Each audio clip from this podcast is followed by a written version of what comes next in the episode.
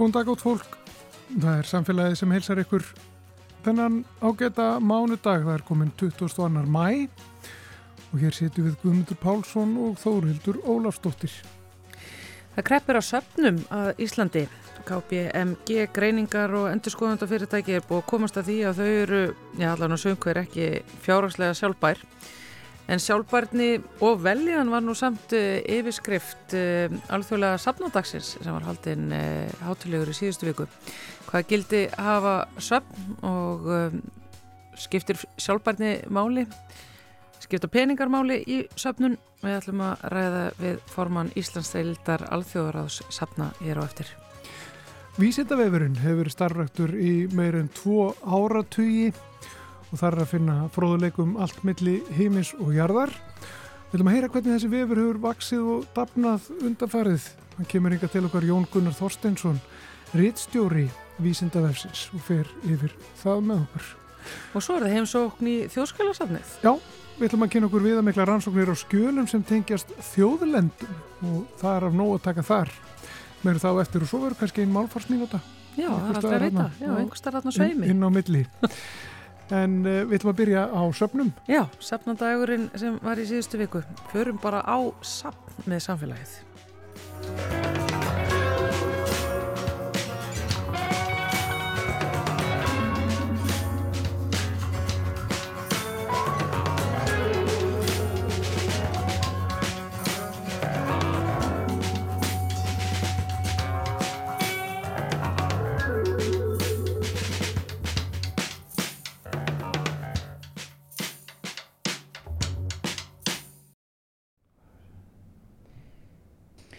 Það eru miklu fleiri söfn á Íslandi en flesta grunar og við ætlum í tilefni alþjóðlega safnadagsins sem var haldinn hátilegur í síðustu viku að ræða söfn okkar Íslandinga, stöðu þeirra á tilgang.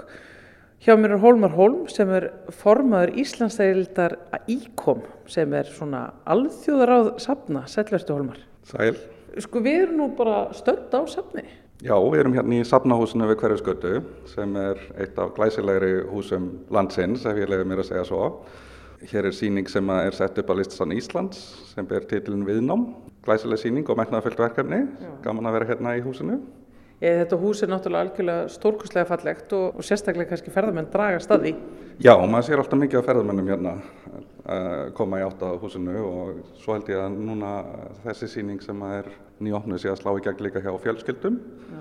og gaman að sjá hversu svona mikið líf er þegar maður kemur hérna í húsið. Sko ef við bara förum aðeins yfir uh, söfnin á Íslandi, ég sagði á þannig sko ég held að þau séu öruglega fleiri heldur en flesta grunar. Hvað eru þau mörg? Ah, ég hef þetta á flett upp tölunni. Um, ef ég mann rétt þá eru nú viðurkennsöfn um svona 40, einhverstara millir 30 og 40. Um, svo eru höfusöfnum þetta þrjú, náttúruminnisafnið, þjóminniðasafnið og hérna listsafnið. En svo eru þetta fullt af söfnum sem eru líka ekki endilega viðurkend. Mm. Þannig að það er erfitt að telja það.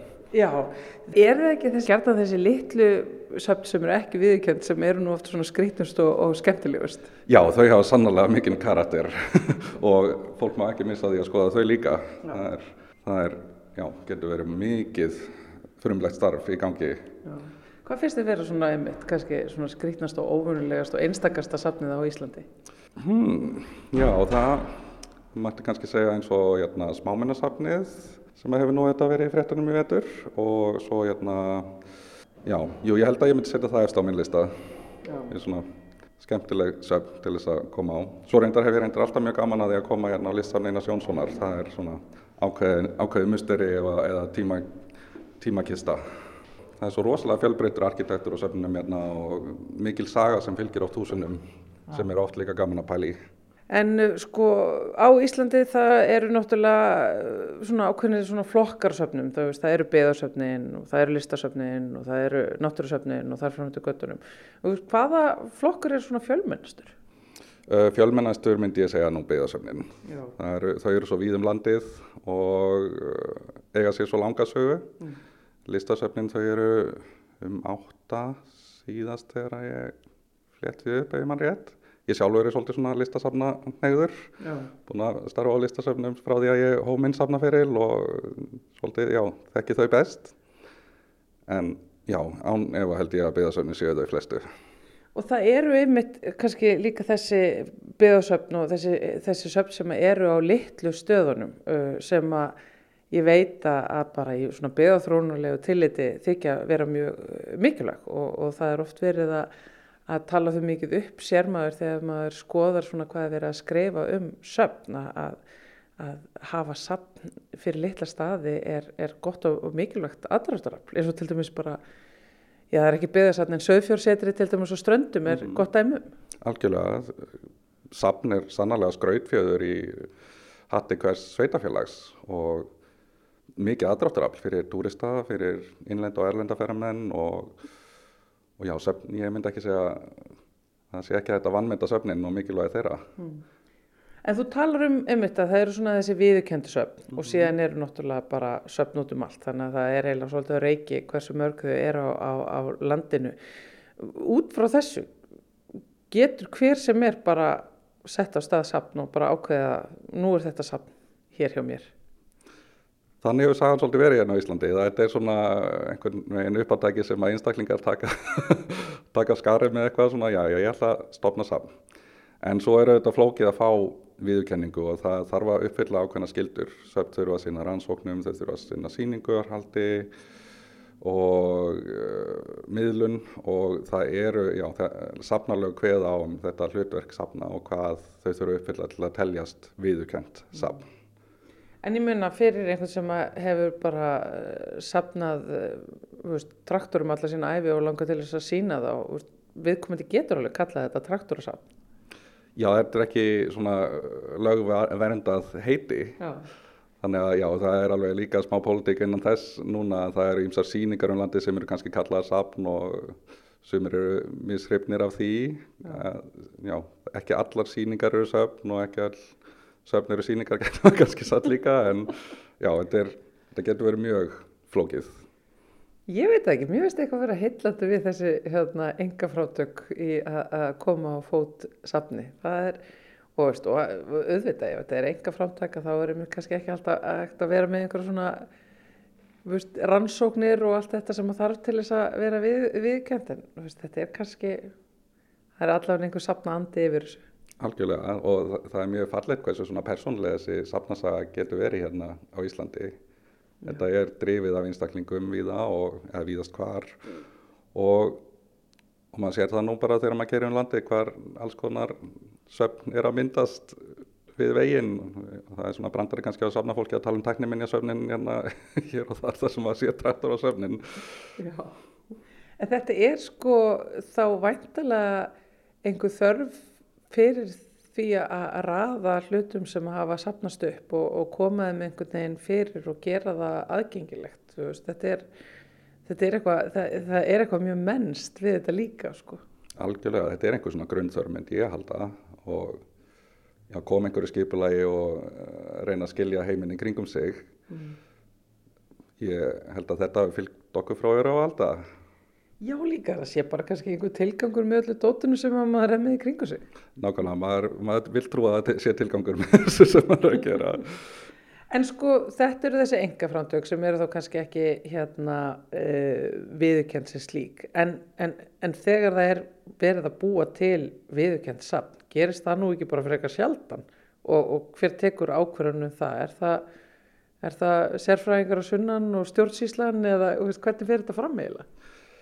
Það, jú, það gerist nú kannski frekar sjaldan nú til dags en, en þetta getur samt líka gert svolítið rætt og, og það verður oft þá bara eitthvað svona sam, samstarf á milli einstaklinga, sveitarfélaga og sabrís og svo getur áttur líka samdáið fljótt mm. ef ekki nógu vel bundið um hnútana í upphafi mm. og mörg dæmi þess í miður. Og það er einmitt þessi svona döði safna sem að maður sko þarf bara svolítið að fletta í, í heimildu til þess að reyfi upp söp sem hafa lifað og, og dáið. Hvað varð um sapkostin? Það er yfirleitt svona hviða um það í stoppskram hvað skulle verðum sapkost í hverju tilfelli fyrir sig, hvort hann rennir til annars sapt, hvort að uh, já, hvort að yfirleitt er nú leitað eftir því að eitthvað annars sapt taki við slíkum sapkosti. Og þá fer það kannski eftir hvert höfusafni er í hverju tilfelli, hvort að leita sér til þjóðminnasafnsins eða annara höfusafna. Já, þannig að veist, í, það er ekki þannig að einhver safnkostur getur bara allt yfir dúkað upp veist, í góða hyrðinum. Ég veit ekki dæmið þess en, en þetta er samt líka skröldisaga þannig að maður veit ekki alveg hvað hérna, hefur orðið um svona minni, minni söfnin sem að hafa lifað í skamman tíma. Mm. Alltaf sko Holmar að að þú ert alveg nokkur sem er búin að segja veist, að hér á Íslandi er þetta alltaf svona greil og svolítið svona vilda vestur þegar kemur að söfnum og hver veit getur gert þetta og gerir þetta mjög gertan. Þetta verðist vera eitthvað sem Íslandikar gera mikið af uh, og þetta er skrautleg saga Er, er, er, er þetta eitthvað svona sérstaklega órulegt hérna á Íslandi svona samanbórið við önnur lönd eða eru allar þjóðir að, með svona? Ég er kannski að mála svarta mynd en... Já, ég myndi segja bara litrika mynd. Já, ég, ég hefur rosalega gaman af þessari svona sérviskulegu sögu en ég held að þetta sé kannski líka að miklu leiti út af smæðsamfélagsins okkar mm. en vissulega ef maður fer í smá bæjarfélögum allan heim þá held ég að það sé hægt að finna líka ýmsar skrautlegar sögur þar. Já. Já, ég minna, það er mín upplöfun alveg, það eru, það eru einhvern veginn söfn í, í, í, í skrítnustu hornum plánutunar. Mm. Og söfn sem eru til einhver hverju sem er sinnebi, það er hægt að finna smábæði með sinnebsafn eða, eða hvað annað. Já, já. Það er einmitt málið, það eru, eru söfnum allt, þannig að það er kannski ekkert skrítið hvernig þetta er hérna á Íslandi. Algjörlega, já. Sko að alþjóðlega safnadeginum sem að var í, í síðustu viku, veistu, um hvað snýrist hann Hólmar? Alþjóðlega safnadagurinn, hann er verkefni hérna á vegum ICOM sem er alþjóðara safnaði mitt eins og nefndir upp aðeins og hann hefur verið haldinn síðan 1977 á heimsvísu, ekki svo lengi reyndar á Íslandi en var lengi hérna kallaður Íslenski safnadagurinn. Og er núna hérna samstagsverkefni ICOM og FISOS, félags íslenskra safna og safnmanna. Og þá er aðalatriðið að vekja aðtegli á söfnum. Og í tengslum við daginn þá er yfirleitt valinn hérna, heimsmarkmið, nokkur, uh, nokkur heimsmarkmið saminuð þjóðana mm. og tvinnu saman við dagskrána. Og í áru var það sjálfbarni og velíðan sem var yfirskrift dagsins og þá voru hérna, sjálfbarni markmiðin tengt sterk við daginn og líka hérna, velíðana markmiðin og svo er það hérna bara í, við treystum mikið á söfnin um all landið að taka þátt í deginum og það hefur sannarlega, við hefum fundið miklar undirtæktir sem er alltaf gleðilegt að, að fólk vilji fagna þessum degi með okkur og fagna söfnum. Sko, ég maður staldra hans við þessa yfirskrift sjálfbarnum veljiðan og ekki hvað síst veljiðan og ég sá á málþingi sem að því helduði tilöfnið að safnadeginum og það er bara búið að gera rannsóknir á tengslum veljiðunar og safna.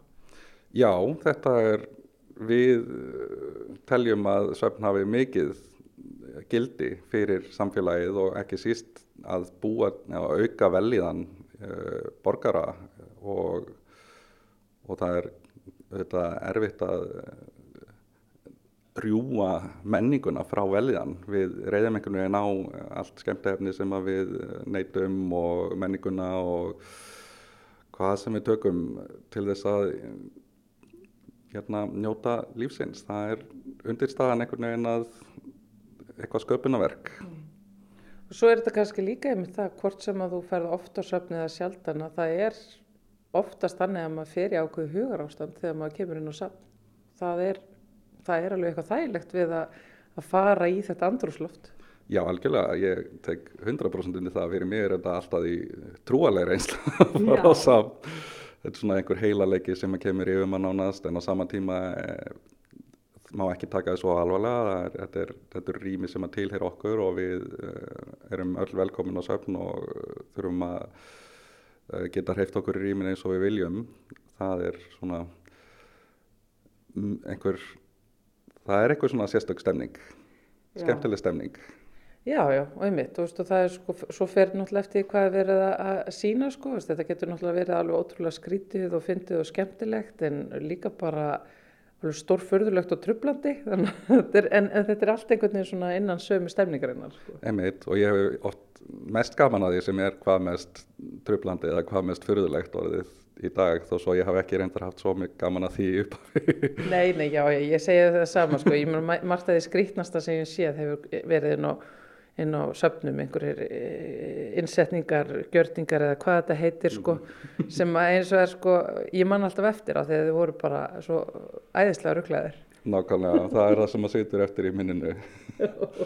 En auðvitað náttúrulega það sem að, að kemur yfir mann þegar maður sér fallið listaverk, fallið málverk eða skúltúra, það er líka, það er öðruvísi en, en, en, en líka alveg einstakt sko. Algjörlega, þetta getur verið yfirþyrmandi og jafnveil stundum óháð bara því sem er í rýminu.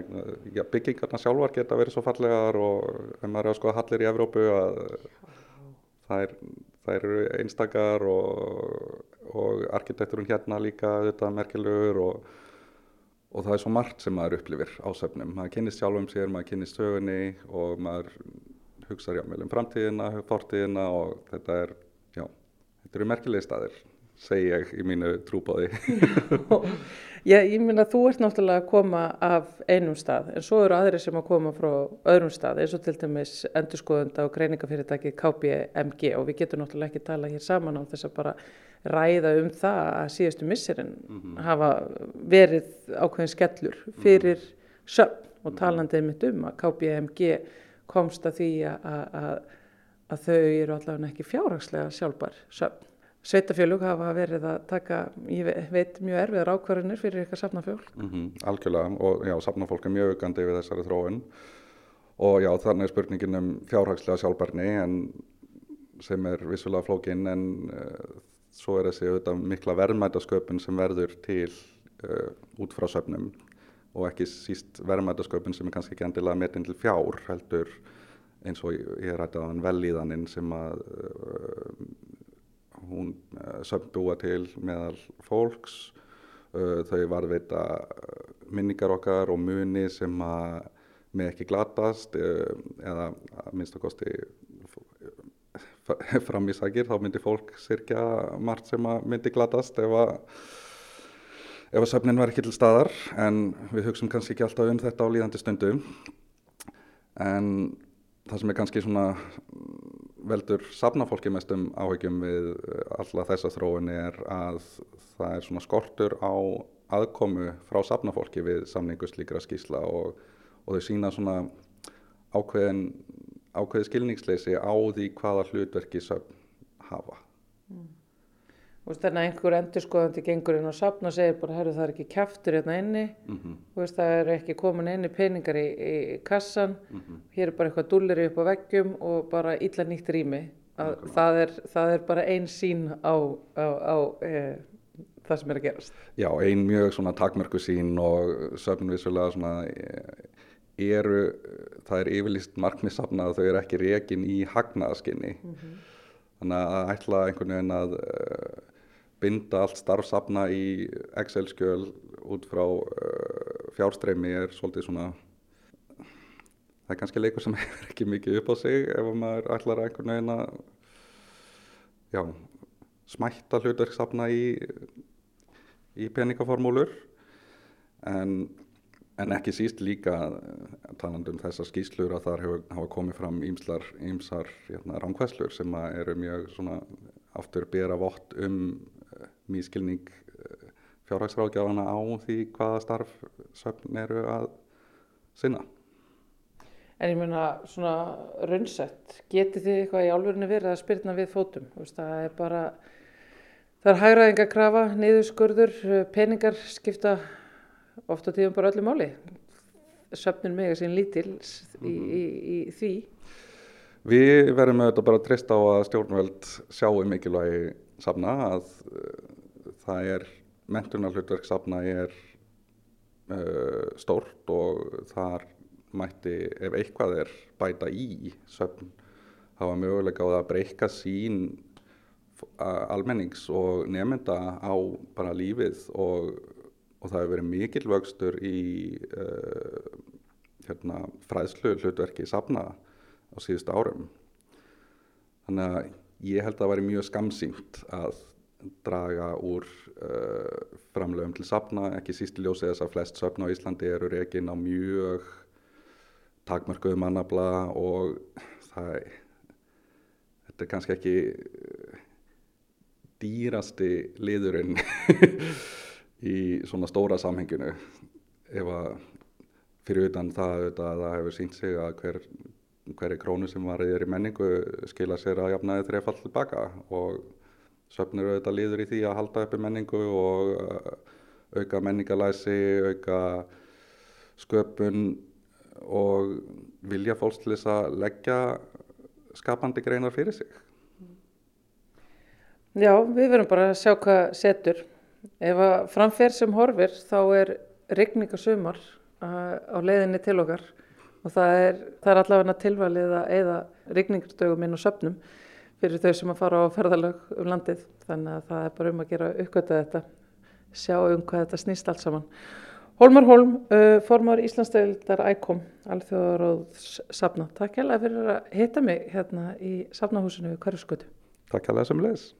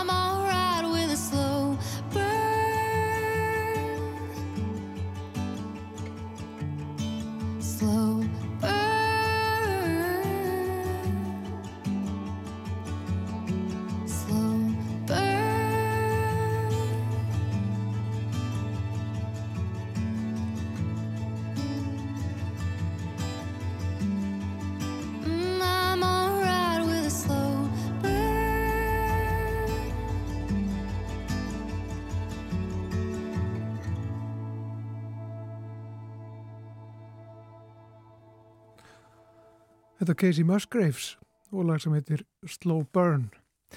En vísindavefurinn var settur í loftið í janúar árið 2000 og átt að vera tímabundi verkefni til eins árs. En núna, 23 árum síðar, fær vefurinn meir en 200.000 heimsóknir á mánuði og gegnir mikilvægur hlutverki við að miðla vísindalegri þekkingu. Og hann er sestur hérna hjá okkur Jón Gunnar Þorstensson, hann er rittstjóri vísindaversins, verður velkomin til okkar. Já, takk fyrir.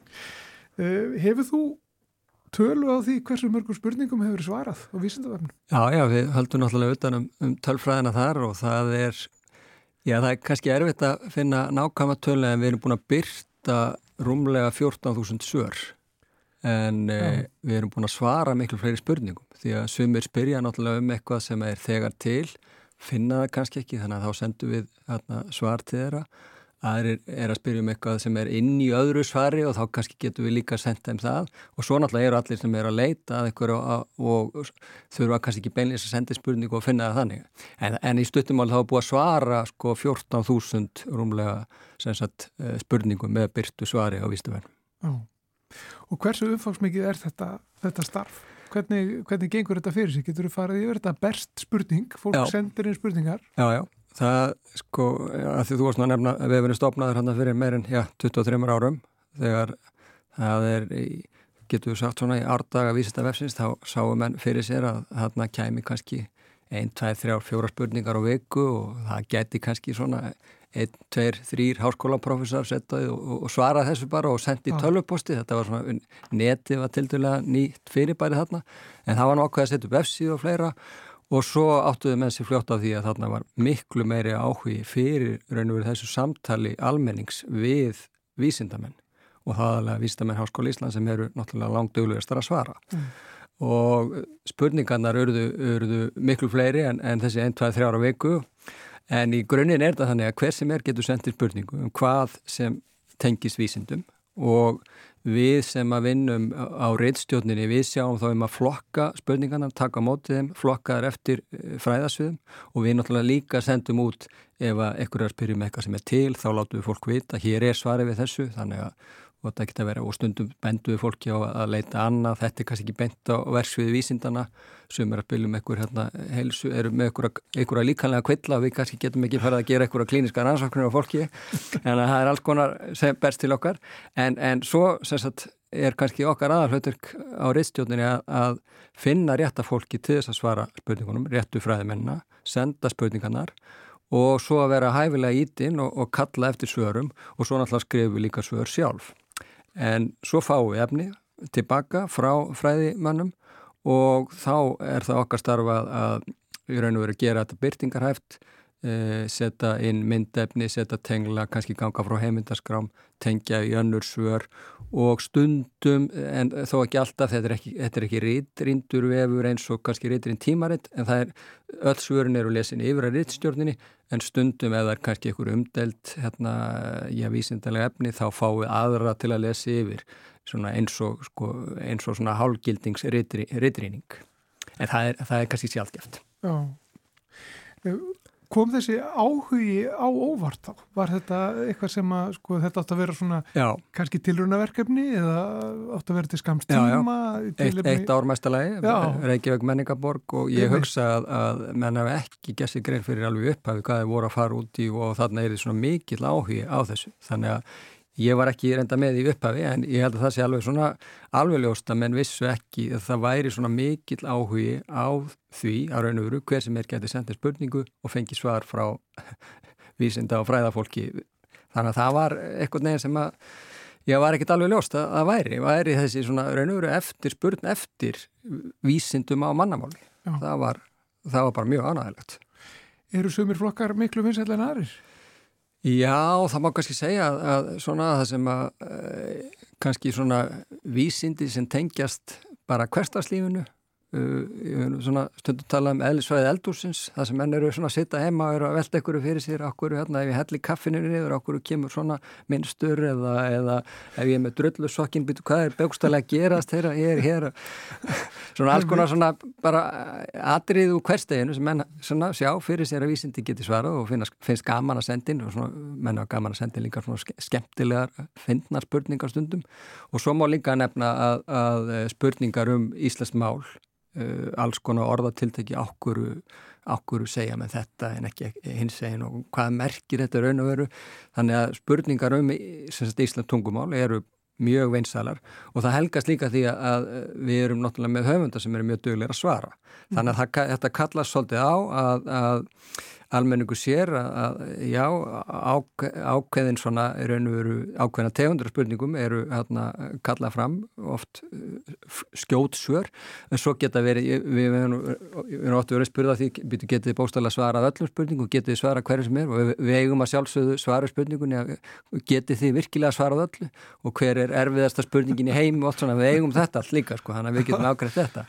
En, en það er svona og svo má líka segja að áhugi á sko náttúruvísindum, áhugi á öllu því sem að tengist svona, ég er raun og veru íslensku, já bara því sem er að gerast hér bókstallega í náttúrunni, segjum eins og, eins og þegar að hérna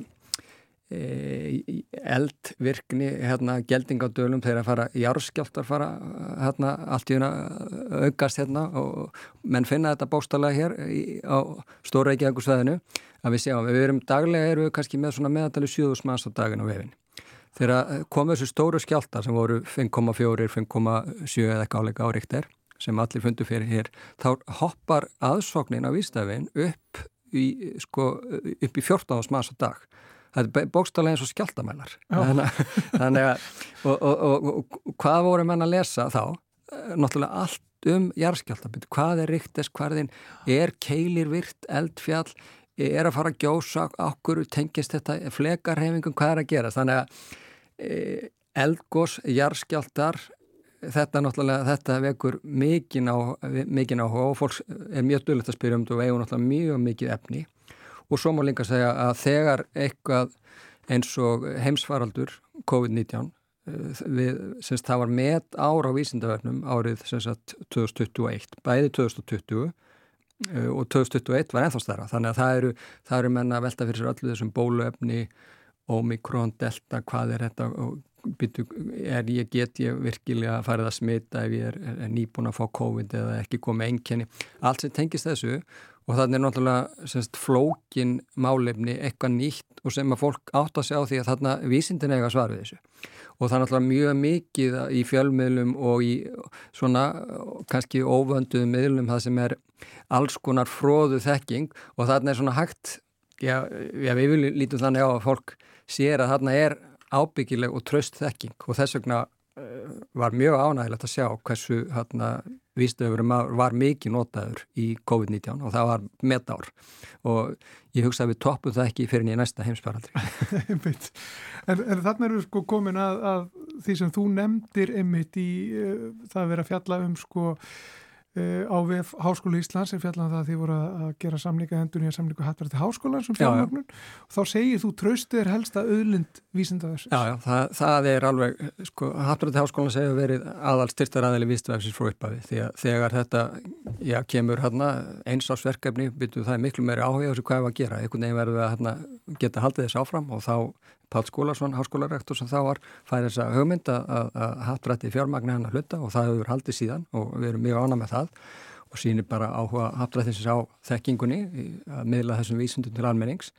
En, eh, en það að, að þetta, já já tröst, tröstið er okkar helsta öðlind og það er augljóst að, að almenningu treystir vístahörnum, menn að við sjáum það og það er menn sendaði spurningar um hitt og þetta. Það, sko, sem að tengist þeirra daglega lífi og, og menn halda að við getum svarað og vísindinni í svarið og svo sjáum við að menn uh, já, hjón sendaði spurningar eru hér er alvarlega að deila á heimilinu um ekkur og getur þið ekki bara skoru úr þessu og komið með hérna og þá getum við hægt að karpa um þetta. Það, þetta er algengt eða, eða hérna, eitthvað ég mann þetta reyndi spurningu það voru hérna, það voru einhverja bílaverstaði við vorum búin að reyna að leysa einhverja gátu sko í, í, í örgla marga vikur ef ekki mánu og, og lítið að gera á meðan. Þeir vildi bara getið sínt okkur og er þetta, er hægt að leysa þetta gátu? Við fengum hann að starffræng til að sína fram að þetta var óleysanlega gáta þannig að þeir getur bara gátu hættis og farið alltaf fram bara að sinna bílavíkjörum en þetta er svona skemmtileg dæmi um það hvað byrju, herru við veitum eiginlega ekki hvað við að gera, hefur bara spyrjum vístafinn, við bara fáum svarið það. Að...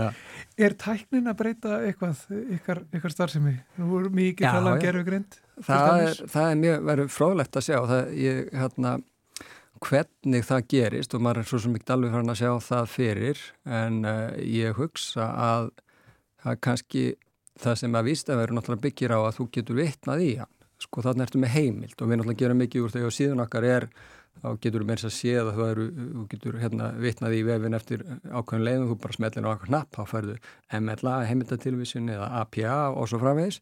En e, þetta er náttúrulega erfitt að sjá fyrir sig kannski með gerfugreindin að menn fara að segja, herru, vitni eitthvað því að þú getur ekki fengið kannski endilega sama svarið eftir þetta er svona gjör, gjör ólíkt og þarna held ég kannski, þetta sem ég er að segja með tröstið að, að e, þú sér að vístu hver skrifar svarið Hefur hér er svarum í jarðvísindi, það er Freystedt Guðmundsson eða Magnús Tummið sem skrifar þetta, e, virtir vísindamenn, já við getum treyst í þetta sem nokkur rétt sem þeir eru að segja en það, en það er erfiðar átt að sjá því kannski með, með gerfingreindina en það auðvitað munu nefnendur framtíðan og nefnendurinn eru náttúrulega nú þegar byrjaðar að nýta sér gerfingreind til þess að aðstóða sig en á, ég spurði nú hérna kennari tölnamfræðandaginn er ekki sem eru að leggja þá fyrir verkefni, ykkur foröldunarverkefni er, eru krakkarnir ekki bara að leysa þetta með gerfingum ég hans að, jú, það getur vel verið en ég er náttúrulega að segja það að þau, þau græða náttúrulega ekki mjög mikið á því. Þannig að þau eru ekki að fá mikið út í náminu eða láta gerfingrindin að sjá um þetta sko, þannig að, þannig að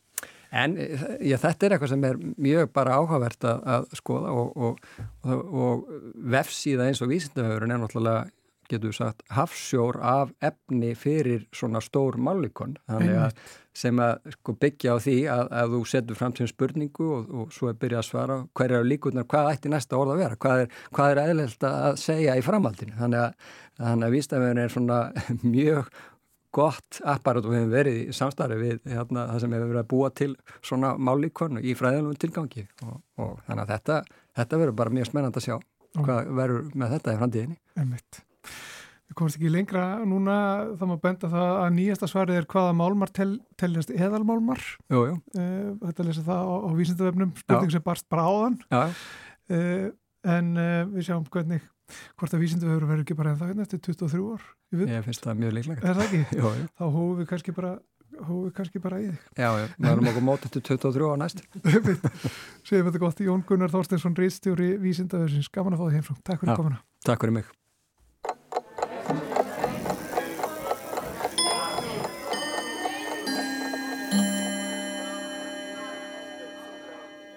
Það er orðið algengt að nota miðmyndarsögnina ferðast um allra handa ferðalög í stað ímissa ágætra sagna yfir ferð frá einum stað til annars, svo sem fara, aka, keira, sigla og fljúa.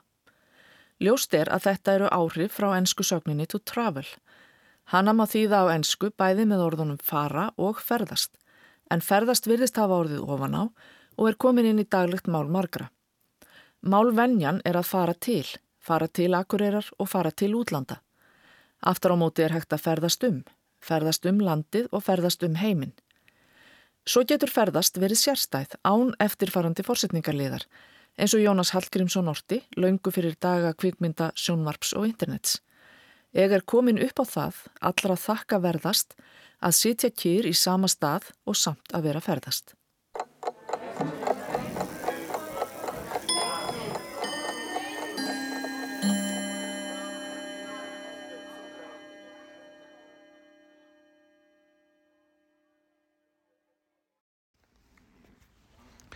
Ég kom hún á þjóðskjálasafn Íslands eh, einaferðin henn. Og hér sitt ég við borð og það eru það eru gummulskjöl hér fyrir fram að mig sem er búið að, að opna hér. Það er með þess að teikningar hérna. Og hér er Ólafur Arnar Sveinsson. Þannig fagstjóri fræðslu og rannsókna hér hjá þjóðskjálasafninu þessi skjöl sem við erum að skoða hér þau tengjast tengjast uh, já, þínu starfi og rannsóknum sem þú ert að vinna hér sem að tengjast þjóðlendum satt? Jú, alveg rétt. Uh, það er starfandi teimi hér í þjóðskjálasafni uh, sem vinnur á þjóðlendur rannsóknum og þjóðlendur rannsóknir eru í eðli sínu kerfisbundin gagnaflun um jarðir og landsvæði vegna málsmeðferðar óbeðanemdar um þjóðlendumál og nefndin er sjálfstæð úrskurða nefnd og sem hefur það hlutverk að úrskurðaði mörg egnalandna annars vegar og þjólendna hins vegar og hún starfar eftir lögum frá 1998 og þjóðskjálasafn uh, vinnur að miklu liti að gagnaflunni og það er meðal annars vegna þess að það er svo mikið magna af frumskjölu sem varðar jarðir og, og málsmeð frá þeim í, á, á fyrir tíð sem eru varfitt hér.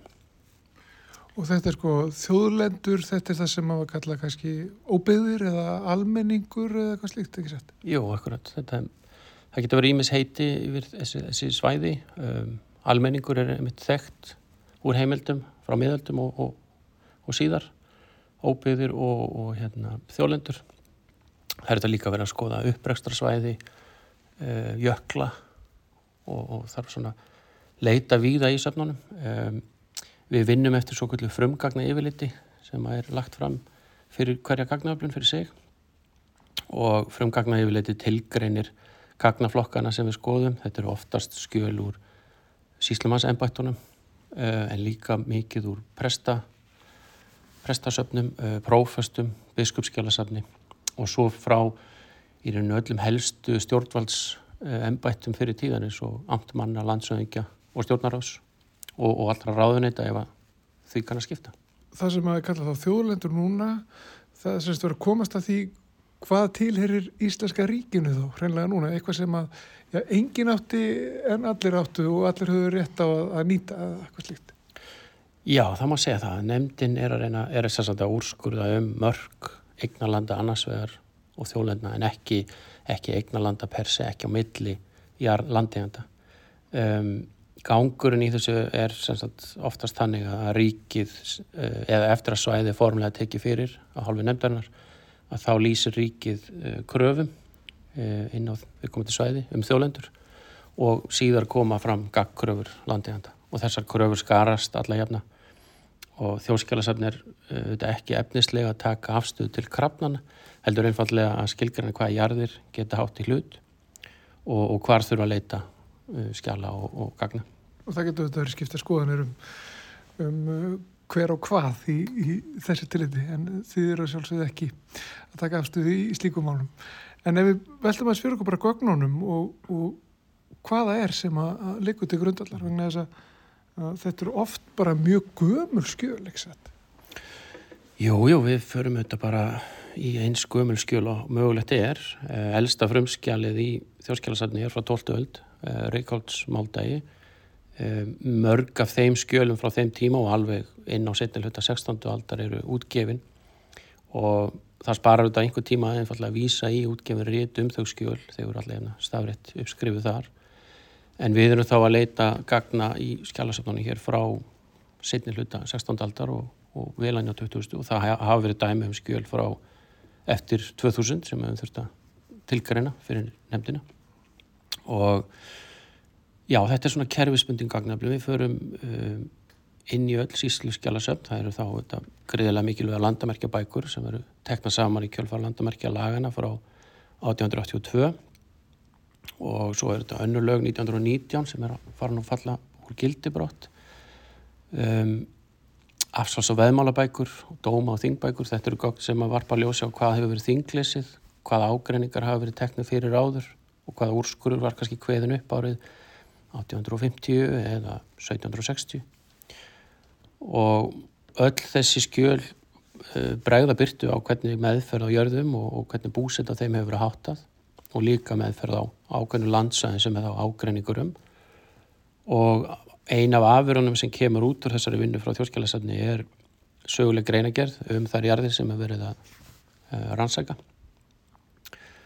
og, og svæðin sem hefur verið að kanna. Þannig að Þetta er ansið umfangsmikið en, en tekur líka svo litin tíma, það þarf sögurum til þess að leita og, og meta skjölinn og skrifa þau upp og við númerum allt saman eftir ákveðinu númerakerfi og, og flest öll skjölinn eru skrifuð upp stafrætt og, og mynduð. Og hvernig er þá uh, sko reikjanleikin uh, í, í tiltegnum málum? Er þetta að fara, uh, þú, það er einhver heimild sem er kannski mjög gömul getur hún ekki stangast á við eitthvað sem er kannski nýra og þar getur þurft eitthvað neina að finna út af því líka? Jú, jú, vissulega og það er líka með, eins og með reykjanlegan sko að við þurfum auðvitað, það reynir auðvitað á þekkingu, sögulega þekkingu á stjórnsýslu landsins þegar, þegar fólk er að vinna í svona verkefnum. Um, við erum stundum að, að, að það er að koma upp úr leitinu, það er að segja svona skjöl sem að vísa okkur í aðra ráttir inn í önnur skjálasöfn. Við erum ekki bara bundið við síslu skjálasöfnin eða amtmenn og landsöngja. Á frumgagna yfirlitinu er eitt gagnaflokkur sem að kallast einfallega önnur óbreyndi frumgagn og það þýðir einfallega að við höfum e, svigurum til þess að leita í öllum skjálasöfnum sem að þarf að kanna og, og það er ekkert mjög óalgengt að við erum að, að blaði gegnum biskupskjálasöfnið og, og þar eru bref sem að vísa okkur inn í sapn amtmanna eða stiftsöfuvalda á þeim tíma og þannig að þetta er svona kannski má upplega sem ákveðu völundarhús en, en það er samt sem aður ákveðin struktúr á uh, flestum skjálasöfnunum og brefadagbækur og, og, og brefabækur leiðbun okkur áfram í, í, í leitinni þannig að við þurfum líka að treysta á skjálakerfið hjá viðkomandi skjálamendurum þegar gögnum voru fært til bókar á sínu tíma. Mhm. Engin svona stór gött í, í kerfinu sem hafa, hafa tröflað, engin svona einhver blasir sem hefur vantað til þess að komast þar eftir niðurstöðu? Jú, já, þetta er þetta mjög kræfjandi og, og það er það er þetta oft og tíðum gagnæðing hjá viðkomandi ennbættum. Það var þetta brunni í fangahúsinu Ísafyrði 1924 sem að auðvarslega hefur orðið til þess að gögn hörfu þar, annar brunni á Patrísverði á fyrirlita 2000-aldar og þar vant báð, í báðum þessum síslu vantaði dóm og þingbækur sem að e, voru yfir það tímabil þegar var að þinglýsa landamerkjabröðum. Svo er þetta ekki öll gögn endilega komin til varfeslu í þjóðskjálasamt, það er þetta gögn hjá síslimasæmbættunum eða öðrum stjórnvöldum, stjórnvöldsaðilum og e, þá reynir þetta kannski meira á rannsóknarskildu nefndarinnar sem slíkrar, þannig að um, það er dáliti krefindi tímabil stundum 17. öldin um, einfallega vegna þess að varveslan er kannski ekki alveg eins það er minna varvitt frá 17. öld heldur en eðlið málsins angvæmt og svo, en svo þetta frá og með 18. öld þá erum við kannski að vinna mikið með breyfabók, nei hérna fyrir ekki að jarðabók eh, Árna Magnússonar og Páls Vítalins og frá og með því tímabili er svona frumgagna yfir litið ákveð hryggjastikki þannig að það dekkar rosalega vel 18. öld og, og, og áfram inn á 20. öld Hvaða skjöl eru þetta sem við erum með hér fyrir framann okkur? Við erum hér með skjöl sem voru lögð fram á sæði 10C sem var bara standasíslan og er búið á úrskorðum á, á halvu nefndarinnar. Og þetta var það jörðina brjánsleik á barastund og þetta var svona svolítið áhugaverð uh, leit og rannsókn af því hvað hvernig málum var hátta með brjánsleik Við förum oftast í landamerkjabækurnar, það er nú svona fyrstu gögni sem við förum í við erum að hafla gagna. Og eh, þar kom fljótt í ljós að það var ekkert landamerkjabref fært inn í landamerkjabók bara stæðasíslu.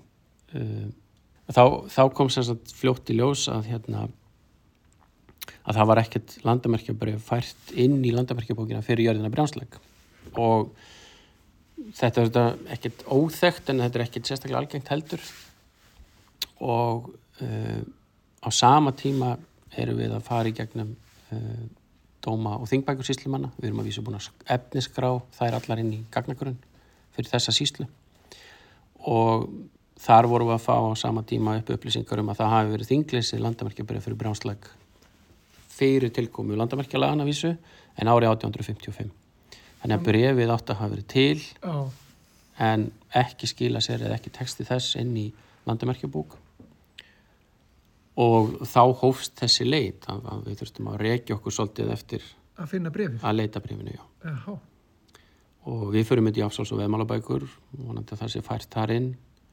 E, brefasatnið kempum það svolítið vel. Og já, það kom í rauninni ekkert í lós fyrir að við vorum að fletta biskupskjálasatninu sem er þetta skjál hér fyrir framann okkur. Já. þessi mappa. Og við áttum ekki vonaði að finna afritaði þar en svo kemur það bara upp í kerfisbundinni leit að staðfest afrit á þessu brefi frá 1855 og þingleysi 5. júli það ár og þetta skjál hafði auðvitað umtalsvara þýðingu fyrir uh, úrskurð óbeðnöndar í vassferði og um, umbrjánsleg því að þjólendu krafan frá ríkinu hún, hún tók í rauninni yfir uh, allan vastalinn og, og alveg niður í sjó. Um, en hún var líka sett fram uh, með þeim fórmerkjum að það vantaði með landamerkjabrifið og þetta var, þetta var svolítið óljóst svæði kannski frekar tilmynd til rannsókna heldur en uh, endilega úrskurðaðum hvort þessi þjóðlandi eða ekki en um, svo heldum við þetta áfram að því að það stóðu þetta eftir spurningin fyrir okkur var hvers að það var ekki texti þessa brefs færiðurinn í landamerkjapung og það er á sama tíma erum við að vinna með prófast skjálasatnum minni mig eða skjálasatn presta og prófasta. Og þar voru að koma upp upplýsingar um samskipti prestsins á þeim tíma á bransleik við stiftsöguvöld um gerði landamerkjabrefs þannig að það leitt okkur inn í þetta satt hér sem að er þá bunki yfir uh, skja, skjöl sem að varða jörðina bransleik á þeim tíma í lók 19. aldar. Og núna ert að benda hérna á, á annan bunga af blöðum. Landamerkja skrá fyrir hvað þá prestsitrið brjánsleik í barastrandarheppi í barastrandarsíslu Akkurat, og þessi, þessi skjöl öll uh, varpa ljósi í rauninni á það hvers vegna það er ekki fært inn í landamerkjabókina landamerkjaburið brjánsleikja og það var einfallega vegna þess að það var ágreiningur jörðin var að einu þröðja hluta í eigu bænda, hún var bændaegna einu þröðja hluta og tveir þröðja hlutar voru í eigu kirkunar og þessir aðeila voru ósamala um merkin sín á milli og svo blandaðist líka inn í að, að haga kirkja á barastönd, hún átti skóarétt í svo kallir mörg minni mig um, inn í landi, eða inn í vastalum og inn í landi brjánsleikjar og þar var líka ágreiningur um hvar, sú, sú rétt, eða, hvar þau réttindi væri staðsett. Þannig að presturinn enga sögur á þessum tíma, Þorvaldur Jakobsson, hann tekur saman þessa landamerkja skrá sem er varvett í skjálasafni stiftsegvalda og hún er ekki þinglega sinna því að ennfallega það er ekki sátt um skjalið á miða landegjandana sjálfra. Og málið í rauninni endar það velkist aðeins um áfram en það endar í rauninni á því að kirkjan kaupir bændalhutan og þá er bara orðin einn eiganda kirkjunni og þá eru ykkur um hluta vegna ekki klárast að stinglýsa landamerkjabrefinu. Þetta eru heimildi sem að sína fram á það að, að svona að þetta var sagt, tilfellið. Það var búið að leysa málið og þið hafið heimildi fyrir því. Já, það var búið að leysa málið, akkurat, búið að leysa málið um um sagt uh, ágreiningin sem stóð var til staðar á þeim tíma og, og þetta landamerkjabrið frá 1855 er þá í rauninni hið eiginlega landamerkjabrið þau eru efnislega samhljóða þau eru ekki nákvæmlega eins en svona þau, þau eru nánast efnislega samhljóða. Og, og, og þarna sko er, er líst þá uh, hvernig hvernig landamerkin liggja eða hvað? Og það eru sko maður sér sko hérna eru nefnd uh, ár hérna sem eru nefndar og, og ykkur örnefni í mig sem eru nefnd. Já, já, þetta er Þannig að það, þetta er rauninni lýsing á, á hvað við segja, jörðinu og hvern, hvernig hún liggur. Já, já, þetta er mjög ítalið lýsing þessu í þessu landamerkjabrefi brjánsleikjar um, hún tilgreinir jarðir uh, í kring hjáleigurnar sem var búið á í Bránsleikja landinu, Móslíð og Þverá, Uppsali og eh, við höfum stundum séðu þetta landamerkjabref sem eru kannski bara örfáar setningar, mm. það er bara verið tilgreina að þessi á er á milli tveikjajarða og svo er mm. kannski farið eftir einum steini og uh, beina sjónlínu upp og svo upp í fjall en hér er þetta farið svona all rækilega yfir textan og eða farið rækilega yfir svæðið og, og hérna bara mjög ítalegt myndi ég segja og líka fyrir þennan tíma 1855 um, þetta er líka fyrir þann tíma sem að þetta er fyrir tíma landamerkjalagana 1882 og þarna er uh, er þetta skortir að vísu sko samþykju þetta aðlíkjandi jarða Mhm. eins og er gert ráð fyrir í landamerkjalýsingum eftir tilkomi lagana. Þá eru, eru við oftast að sjá undirskriftir aðlíkjandi jarða, það séu samþygt merkin. En á þessum tíma þá eru þetta oftast kalla lögfestur, að aðilar eru að lögfesta landsitt. En uh, enga séu þetta þingleysið á þeim tíma án mótmæla og, og hefur þá þessa þýðingu í dag að, að það er hægt að tólka land bránsleikjar út frá þjóðleitukrófuna. Sko við getum leið yfir þessu held ég bara í allan dag við höfum ekki tíma til þess en hér er sko ég get nú alltaf líst þessu hér er afskaplega falleg teikning sko þetta er um, kort einhvers konar og ég sé hérna hér er Vassfjörður og Vassdalsvatn og Vassdalur þessu uh, hva, hvað er ég að horfa á hér? Þetta er litað meira að segja sko Já, þetta er kort sem er tekið saman þarna í lok 19. aldar í þessum ágreiningi um uh, skóarétt Hagarkirkju í Vastal og í landi bránsleikjar. Og hér er verið að merkja hvar á milli Vastals vats annars vegar og Vassfjardar skóaréttindin eru. Það hefur verið að tilgreina hér örnefni Lambagil. Þetta er stutt frá Þingmannadal og, að, og Þingmanna áin er sem mert hér inn og markarlækur.